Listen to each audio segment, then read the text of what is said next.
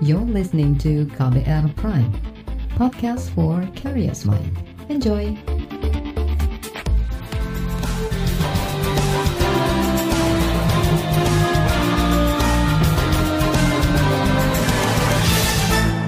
Halo selamat sore saudara, inilah KBR sore untuk hari ini, tanggal 1 Juli 2021.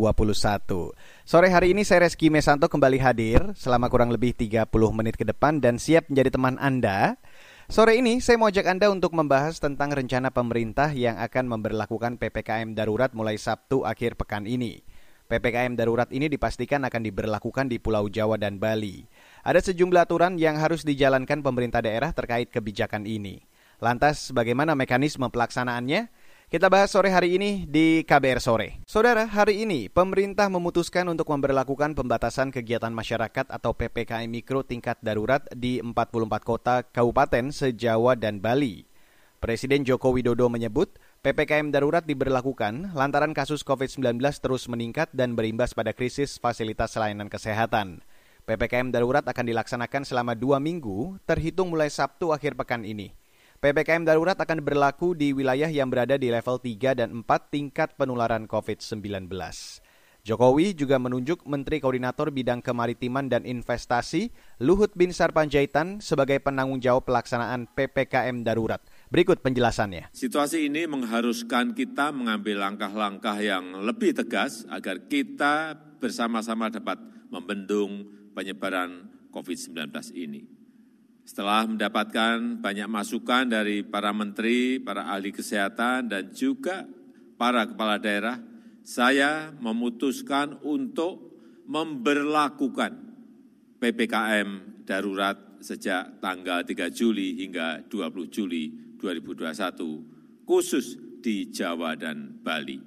PPKM darurat ini akan meliputi pembatasan-pempatasan aktivitas masyarakat yang lebih ketat daripada yang selama ini sudah berlaku. Secara terperinci bagaimana pengaturan PKM darurat ini, saya sudah meminta Menteri Koordinator Marinvest untuk menerangkan sejelas-jelasnya secara detail mengenai pembatasan ini. Saya minta masyarakat berdisiplin mematuhi pengaturan ini demi keselamatan kita semuanya. Pemerintah akan mengerahkan seluruh sumber daya yang ada untuk mengatasi penyebaran COVID, seluruh aparat negara, TNI, Polri, maupun aparatur sipil negara, dokter dan tenaga kesehatan harus bau membahu bekerja sebaik-baiknya untuk menangani wabah ini. Jajaran Kementerian Kesehatan juga terus meningkatkan kapasitas rumah sakit, fasilitas isolasi terpusat maupun ketersediaan obat-obatan, alat kesehatan hingga tangki oksigen. Sementara itu, Menteri Koordinator Bidang Kemaritiman dan Investasi Luhut Binsar Panjaitan menjelaskan penerapan PPKM darurat akan membatasi pergerakan masyarakat dari mulai sektor perkantoran, di mana aktivitas bekerja akan dilakukan 100% persen dari rumah. Hanya beberapa sektor esensial yang dapat melakukan kegiatan seperti biasa. Berikut saya hadirkan penjelasan Menko Marves Luhut Panjaitan. Ini pelaksanaan uh, kegiatan pada sektor non-esensial, saya kira Anda bisa lihat slide, itu 100%. Jadi work from home, kemudian B, pelaksanaan kegiatan belajar mengajar, itu juga sekolah perguruan tinggi dilakukan secara daring online. Kemudian C, pelaksanaan kegiatan pada sektor esensial, saya ulangi ya, sektor esensial seperti keuangan, perbankan, pasar modal, sistem pembayaran, teknologi informasi, dan seterusnya itu diberlakukan 50 persen maksimal staff work from home, eh, from office dengan protokol kesehatan yang sangat ketat. Jadi hanya boleh kantor itu terisi 50 persen untuk tadi itu diberlakukan esensial. Tapi bagi kritikal seperti energi, kesehatan, keamanan, logistik, transportasi, industri makanan, minuman dan penunjang, petrokimia, semen, objek vital nasional, penanganan bencana, proyek strategis nasional, konstruksi, utilitas dasar listrik air, serta industri pemenuhan kebutuhan pokok masyarakat sehari-hari berlaku 100 persen maksimal staff work from office dengan protokol kesehatan yang secara ketat. Kegiatan pada pusat perbelanjaan mall, pusat perdagangan ditutup sementara. Saya ulangi, ditutup sementara. Selain itu, Luhut Panjaitan juga mengatakan ada beberapa kebijakan yang bisa diambil kepala daerah mengenai penanganan pandemi, di antaranya terkait pembubaran kerumunan di lokasi level 3 dan 4, serta terkait alokasi pemberian vaksinasi. Gubernur DKI Jakarta untuk wilayah kabupaten dengan kriteria level 4 itu sudah tertera seluruh DKI sudah kena. Jadi kita akan lakukan ketat betul di DKI. Gubernur Banten dan Bupati Wali Kota untuk wilayah kabupaten dengan kriteria 3, level 3, yaitu Tangerang dan seterusnya, Anda bisa lihat. Dan untuk level 4, yaitu Tangerang Selatan dan Tangerang Kota Tangerang dan Kota Serang. Gubernur Jawa Barat dan Bupati Wali Kota untuk wilayah kabupaten dengan kriteria level 3, itu cukup banyak. Silakan saudara-saudara lihat Kabupaten Sumedang, Sukabumi, dan seterusnya. Level 4 juga sudah cukup panjang, yaitu Kabupaten Purwakarta, Kabupaten Kerawang, Kabupaten Bekasi, dan seterusnya. Gubernur Jawa Tengah dan Bupati Wali Kota untuk wilayah Kabupaten Kota dengan kriteria level 3, yaitu Kabupaten Wonosobo, Wonogiri, Kabupaten Temanggung, dan seterusnya. Kewenangan gubernur berwenang mengalihkan alokasi kebutuhan vaksin dari kabupaten dan kota yang kelebihan alokasi vaksin kepada kabupaten dan kota yang kekurangan alokasi vaksin. Jadi karena darurat ini kita buat fleksibel tetapi tetap dalam koridor aturan main. Gubernur, bupati, wali kota melarang setiap bentuk kegi aktivitas kegiatan yang dapat menimbulkan kerumunan dan nanti ada instruksi Mendagri sebagai dasar penindakan hukum yang akan dilakukan Polri maupun nanti Kejaksaan dan kita akan tegas dalam hal ini. Itu tadi Menteri Koordinator Maritim dan Investasi Luhut Binsar Panjaitan yang mendapat tugas menjadi koordinator pelaksanaan PPKM Mikro Darurat di Jawa dan Bali. Saudara, selanjutnya akan kami hadirkan laporan khas KBR mengenai gerakan masyarakat dalam penanganan pandemi COVID-19 di tanah air. Tetaplah bersama kami.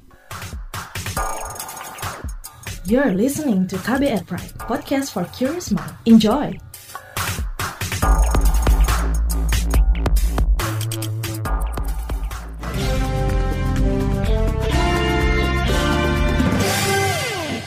Lebih dari setahun sudah pandemi COVID-19 mewabah di dunia, tidak terkecuali Indonesia. Perjalanan penanganan pandemi di tanah air pun tak luput dari keterlibatan organisasi masyarakat di bidang kemanusiaan. Bagaimana cerita para relawan tersebut? Berikut saya hadirkan laporan khas KBR yang disusun Heru Haitami. Kami selama 16 bulan ya sebenarnya sejak COVID ini itu sudah melakukan berbagai macam hal selama 16 bulan itu. Dan sebagian besar dari kami itu sebenarnya ya, ya relawan, artinya relawan itu ya nggak dibayar gitu selama 16 bulan. Dan kami melaksanakan to some extent banyak pekerjaan-pekerjaan yang sebenarnya bukan bukan ranah kami sebenarnya kalau kita mau menggunakan uh, best practice yang ada di luar negeri begitu, itu bukan ranah kan, itu adalah ranah pemerintah. Itu tadi adalah Rimawan Pradiptyo, inisiator Gerakan Sambatan Jogja atau Sonjo sebuah gerakan kemanusiaan yang fokus membantu masyarakat yang rentan dan beresiko terkena dampak penyebaran COVID-19. Rimawan menceritakan seberapa penting keterlibatan masyarakat dalam penanggulangan pandemi. Kami uh, mencoba untuk melakukan sesuatu ya sedikit kepada masyarakat gitu. Mengapa? Karena ya kita ini ada di Indonesia. Kami tahu pemerintah tidak memiliki cukup dana yang besar seperti halnya negara-negara lain. Itu sebabnya kemudian kita mengajak masyarakat untuk bergotong royong. Tak hanya Sonjo, ormas lain seperti Forum Pengurangan Risiko Bencana atau PRB, Muhammadiyah COVID-19 Comment Center atau MCCC, Pengurus Besar Nahdlatul Ulama atau PBNU dan Jaringan Gus Durian juga terlibat dalam aksi kemanusiaan ini. Rimawan menyadari program yang dikerjakan bersama beberapa organisasi ini tidak cukup untuk menanggulangi pandemi. Ia meminta pemerintah membuat kebijakan yang kuat sebab lonjakan kasus COVID-19 saat ini kian mengkhawatirkan. Yang diperlukan adalah pemerintah, peran pemerintah. Pemerintah harus ada di depan. Itu karena banyak hal yang perlu kita lakukan sekarang. Kebijakan-kebijakan yang perlu dilakukan sekarang, affirmative action, itu bukan ranah lembaga apa atau gerakan kemanusiaan seperti kami, tapi harus pemerintah. Kenapa? Karena membutuhkan otoritas, membutuhkan otoritas, membutuhkan sumber daya dan sumber daya apa pun di sini dalam artian bisa sumber daya manusia ataupun juga eh, sumber daya uh, keuangan. Hal senada disampaikan Ketua Satkor COVID-19 Rabit An Ma'ahid Islamiyah atau RMI, pengurus besar Nahdlatul Ulama atau PBNU Ulunuha. Menurutnya, kondisi saat ini menuntut semua kalangan bahu-membahu semaksimal mungkin mencegah terjadinya ledakan kasus. Sudah saatnya semua kalangan, dalam hal ini termasuk juga kita sangat berharap kepada eh, pemerintah untuk memiliki sense of crisis dan juga sense of urgency. Karena yang kita hadapi bukan hanya soal penyakit yang menular, tetapi penyakit yang membunuh dengan sangat cepat dan bisa menimbulkan wabah, bukan hanya wabah penyakit, tapi juga wabah kemanusiaan. Kondisinya sudah dirasakan mulai dari masyarakat perkotaan terdidik sampai ke kepulauan-kepulauan terkecil. Atas keterbatasan yang mereka miliki, gerakan masyarakat ini pun menyatakan sikap telah mencapai batas kemampuan dalam penanggulangan COVID-19. Namun, mereka menegaskan hal itu bukan berarti mereka kalah melawan pandemi. Pernyataan Ketua Komite Pengarah Muhammadiyah COVID-19 Comment Center, Arif Jamali Muiz pernyataan bersama kami ini itu tidak menunjukkan kami kalah dalam melawan pandemi ini. Komitmen kami terhadap kemanusiaan akan tetap menggelora. Bahkan kami akan lebih bersemangat menyelamatkan, akan lebih bersemangat kemudian menolong rakyat. Tetapi sekali lagi kami punya batas-batas tertentu yang tidak bisa dilakukan. Nah, benteng besar itu, batas-batas itu, itu bisa didobrak bersama-sama dengan turunnya pemerintah secara maksimal. Sementara itu, Koordinator Jaringan Gus Durian, Alisa Wahid menyebut, kegambangan para pengambil kebijakan sangat berpengaruh dalam penanganan pandemi ini. Dalam situasi seperti ini, penanggulangan pandemi COVID-19 membutuhkan pendekatan-pendekatan yang berbeda lantaran virus sudah mewabah cukup lama. Kita tahu tidak ada pilihan yang mudah dalam situasi seperti ini karena kita sudah di tengah-tengah uh, perangnya, sudah di tengah-tengah badainya, sudah bukan lagi posisi mencegah badai, tetapi ini harus mengelola badainya, memitigasi resikonya itu sekarang posisi kita. Karena itu memang kita membutuhkan pendekatan-pendekatan yang berbeda. Dalam situasi seperti ini kita membutuhkan kepemimpinan dan manajemen krisis yang kuat. Tidak hanya uh, manajemen krisis yang biasa-biasa saja, karena kita saat ini sudah di titik di mana buah si malakama memang begitu. Ke kiri akan ada dampak-dampak yang tentu tidak kita inginkan, ke kanan pun kita juga akan menghadapi situasi yang sama. Tetapi eh, nyawa tentu lebih besar dari segalanya. Demikian laporan khas KBR, saya Astri Septiani. Saudara, para ahli menilai rencana PPKM darurat belum menjawab kebutuhan penanganan pandemi di Indonesia. Informasi selengkapnya sesaat lagi, tetaplah di KBR sore. You're listening to KBR Pride, podcast for curious mind. Enjoy!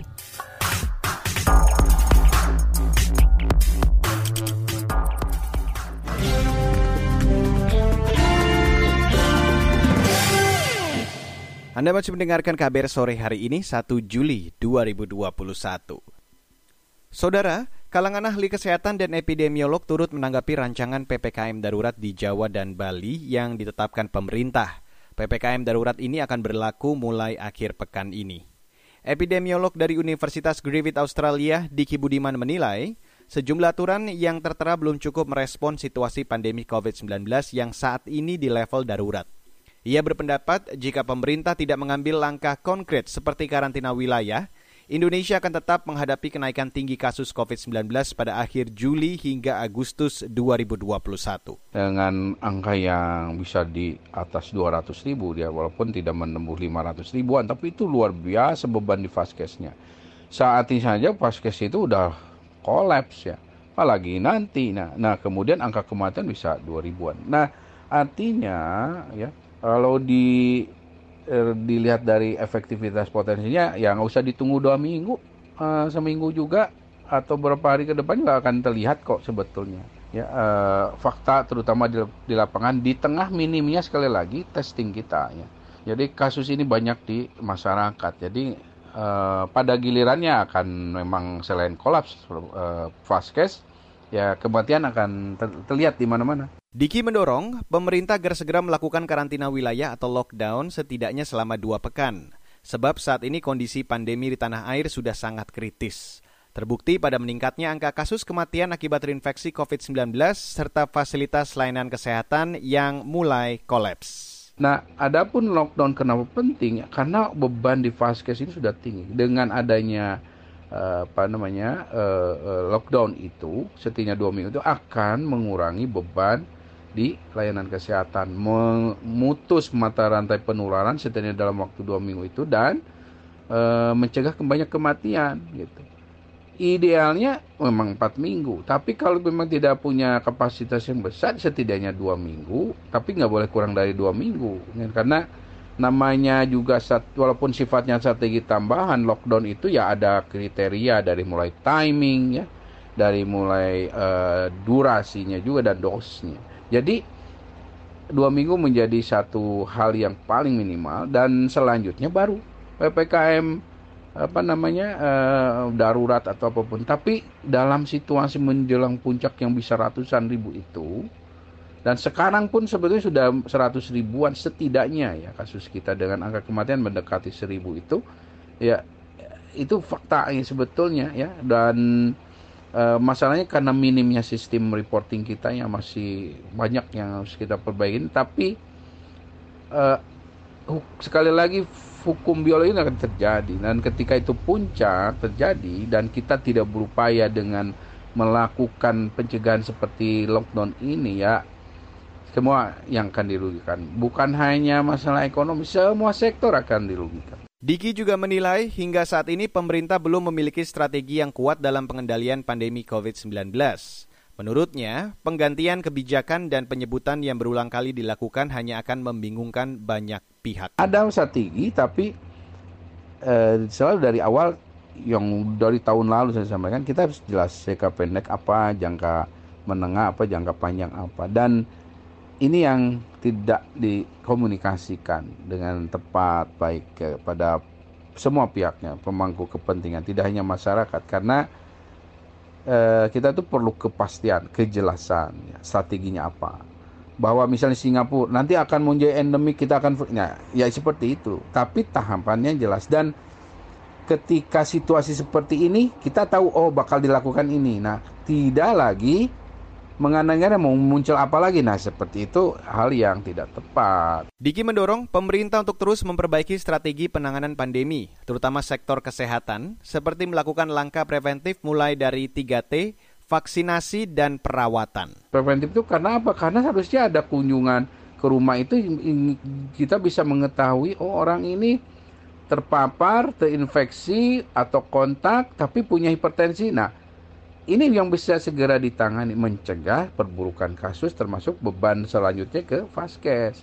Selain preventif ada vaksinasi eh, di dalam preventif selain T3T ada vaksinasi yang harus dilakukan dengan dengan akselerasi yang cepat. Ditambah dengan preventif itu ya penguatan surveillance ya termasuk penguatan pintu masuk negara ya perbatasan. Dan kemudian apa promotif ya. Promotif itu ya strategi komunikasi untuk apa penguatan penyadaran perubahan perilaku ada di situ. 5M ada di situ. Dan juga uh, semua ini tentu berbasis komunitas ya karena namanya juga krisis kesehatan masyarakat. Nah itu yang harus dilakukan. Saudara itu tadi Diki Budiman, epidemiolog dari Universitas Griffith Australia. Dan bagaimana kesiapan daerah dalam menghadapi pelaksanaan PPKM darurat? Informasi selengkapnya sesaat lagi, tetaplah di KBR Sore. You're listening to KBR Pride, podcast for curious mind. Enjoy!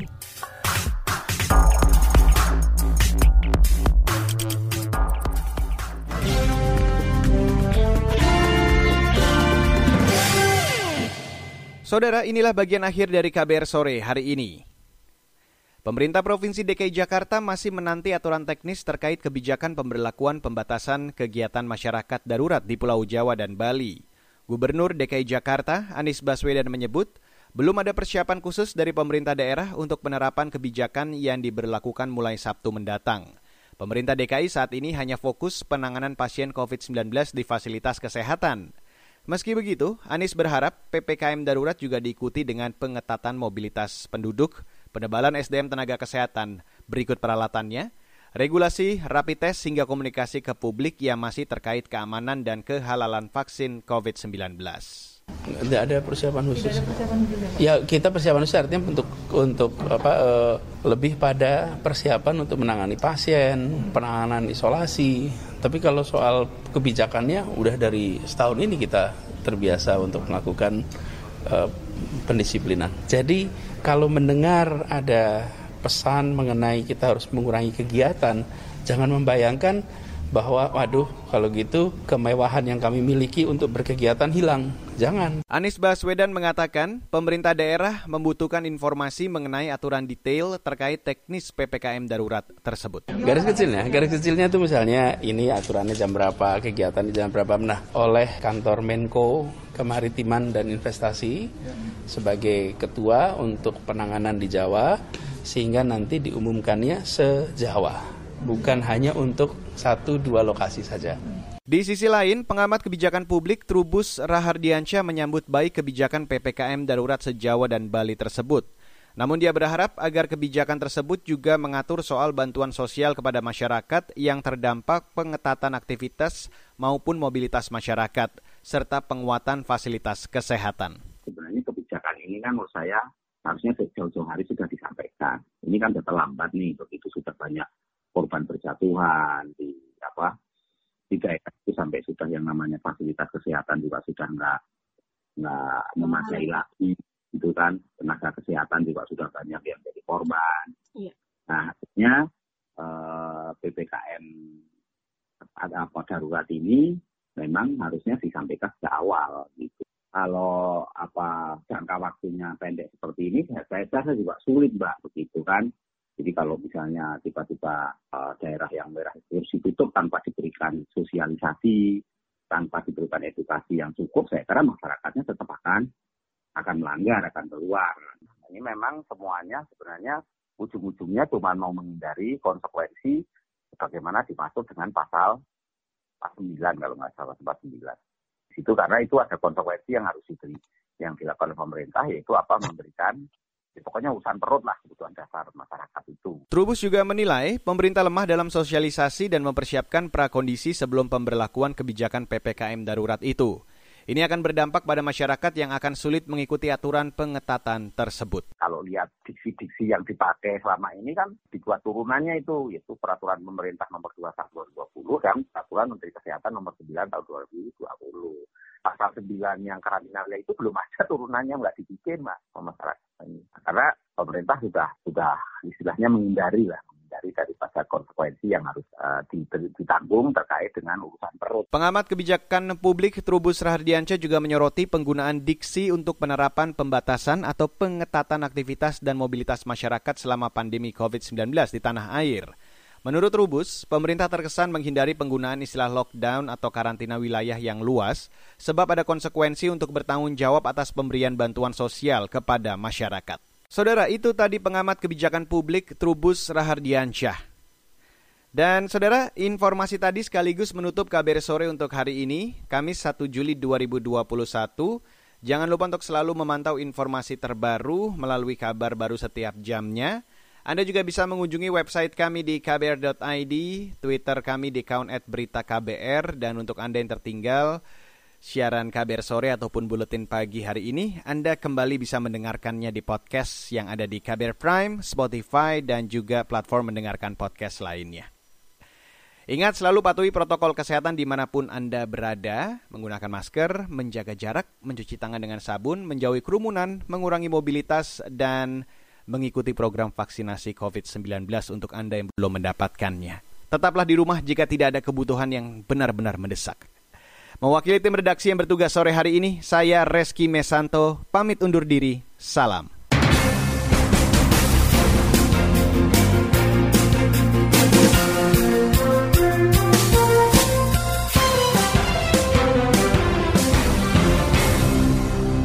KBR Prime, cara asik mendengar berita. KBR Prime, podcast for curious mind.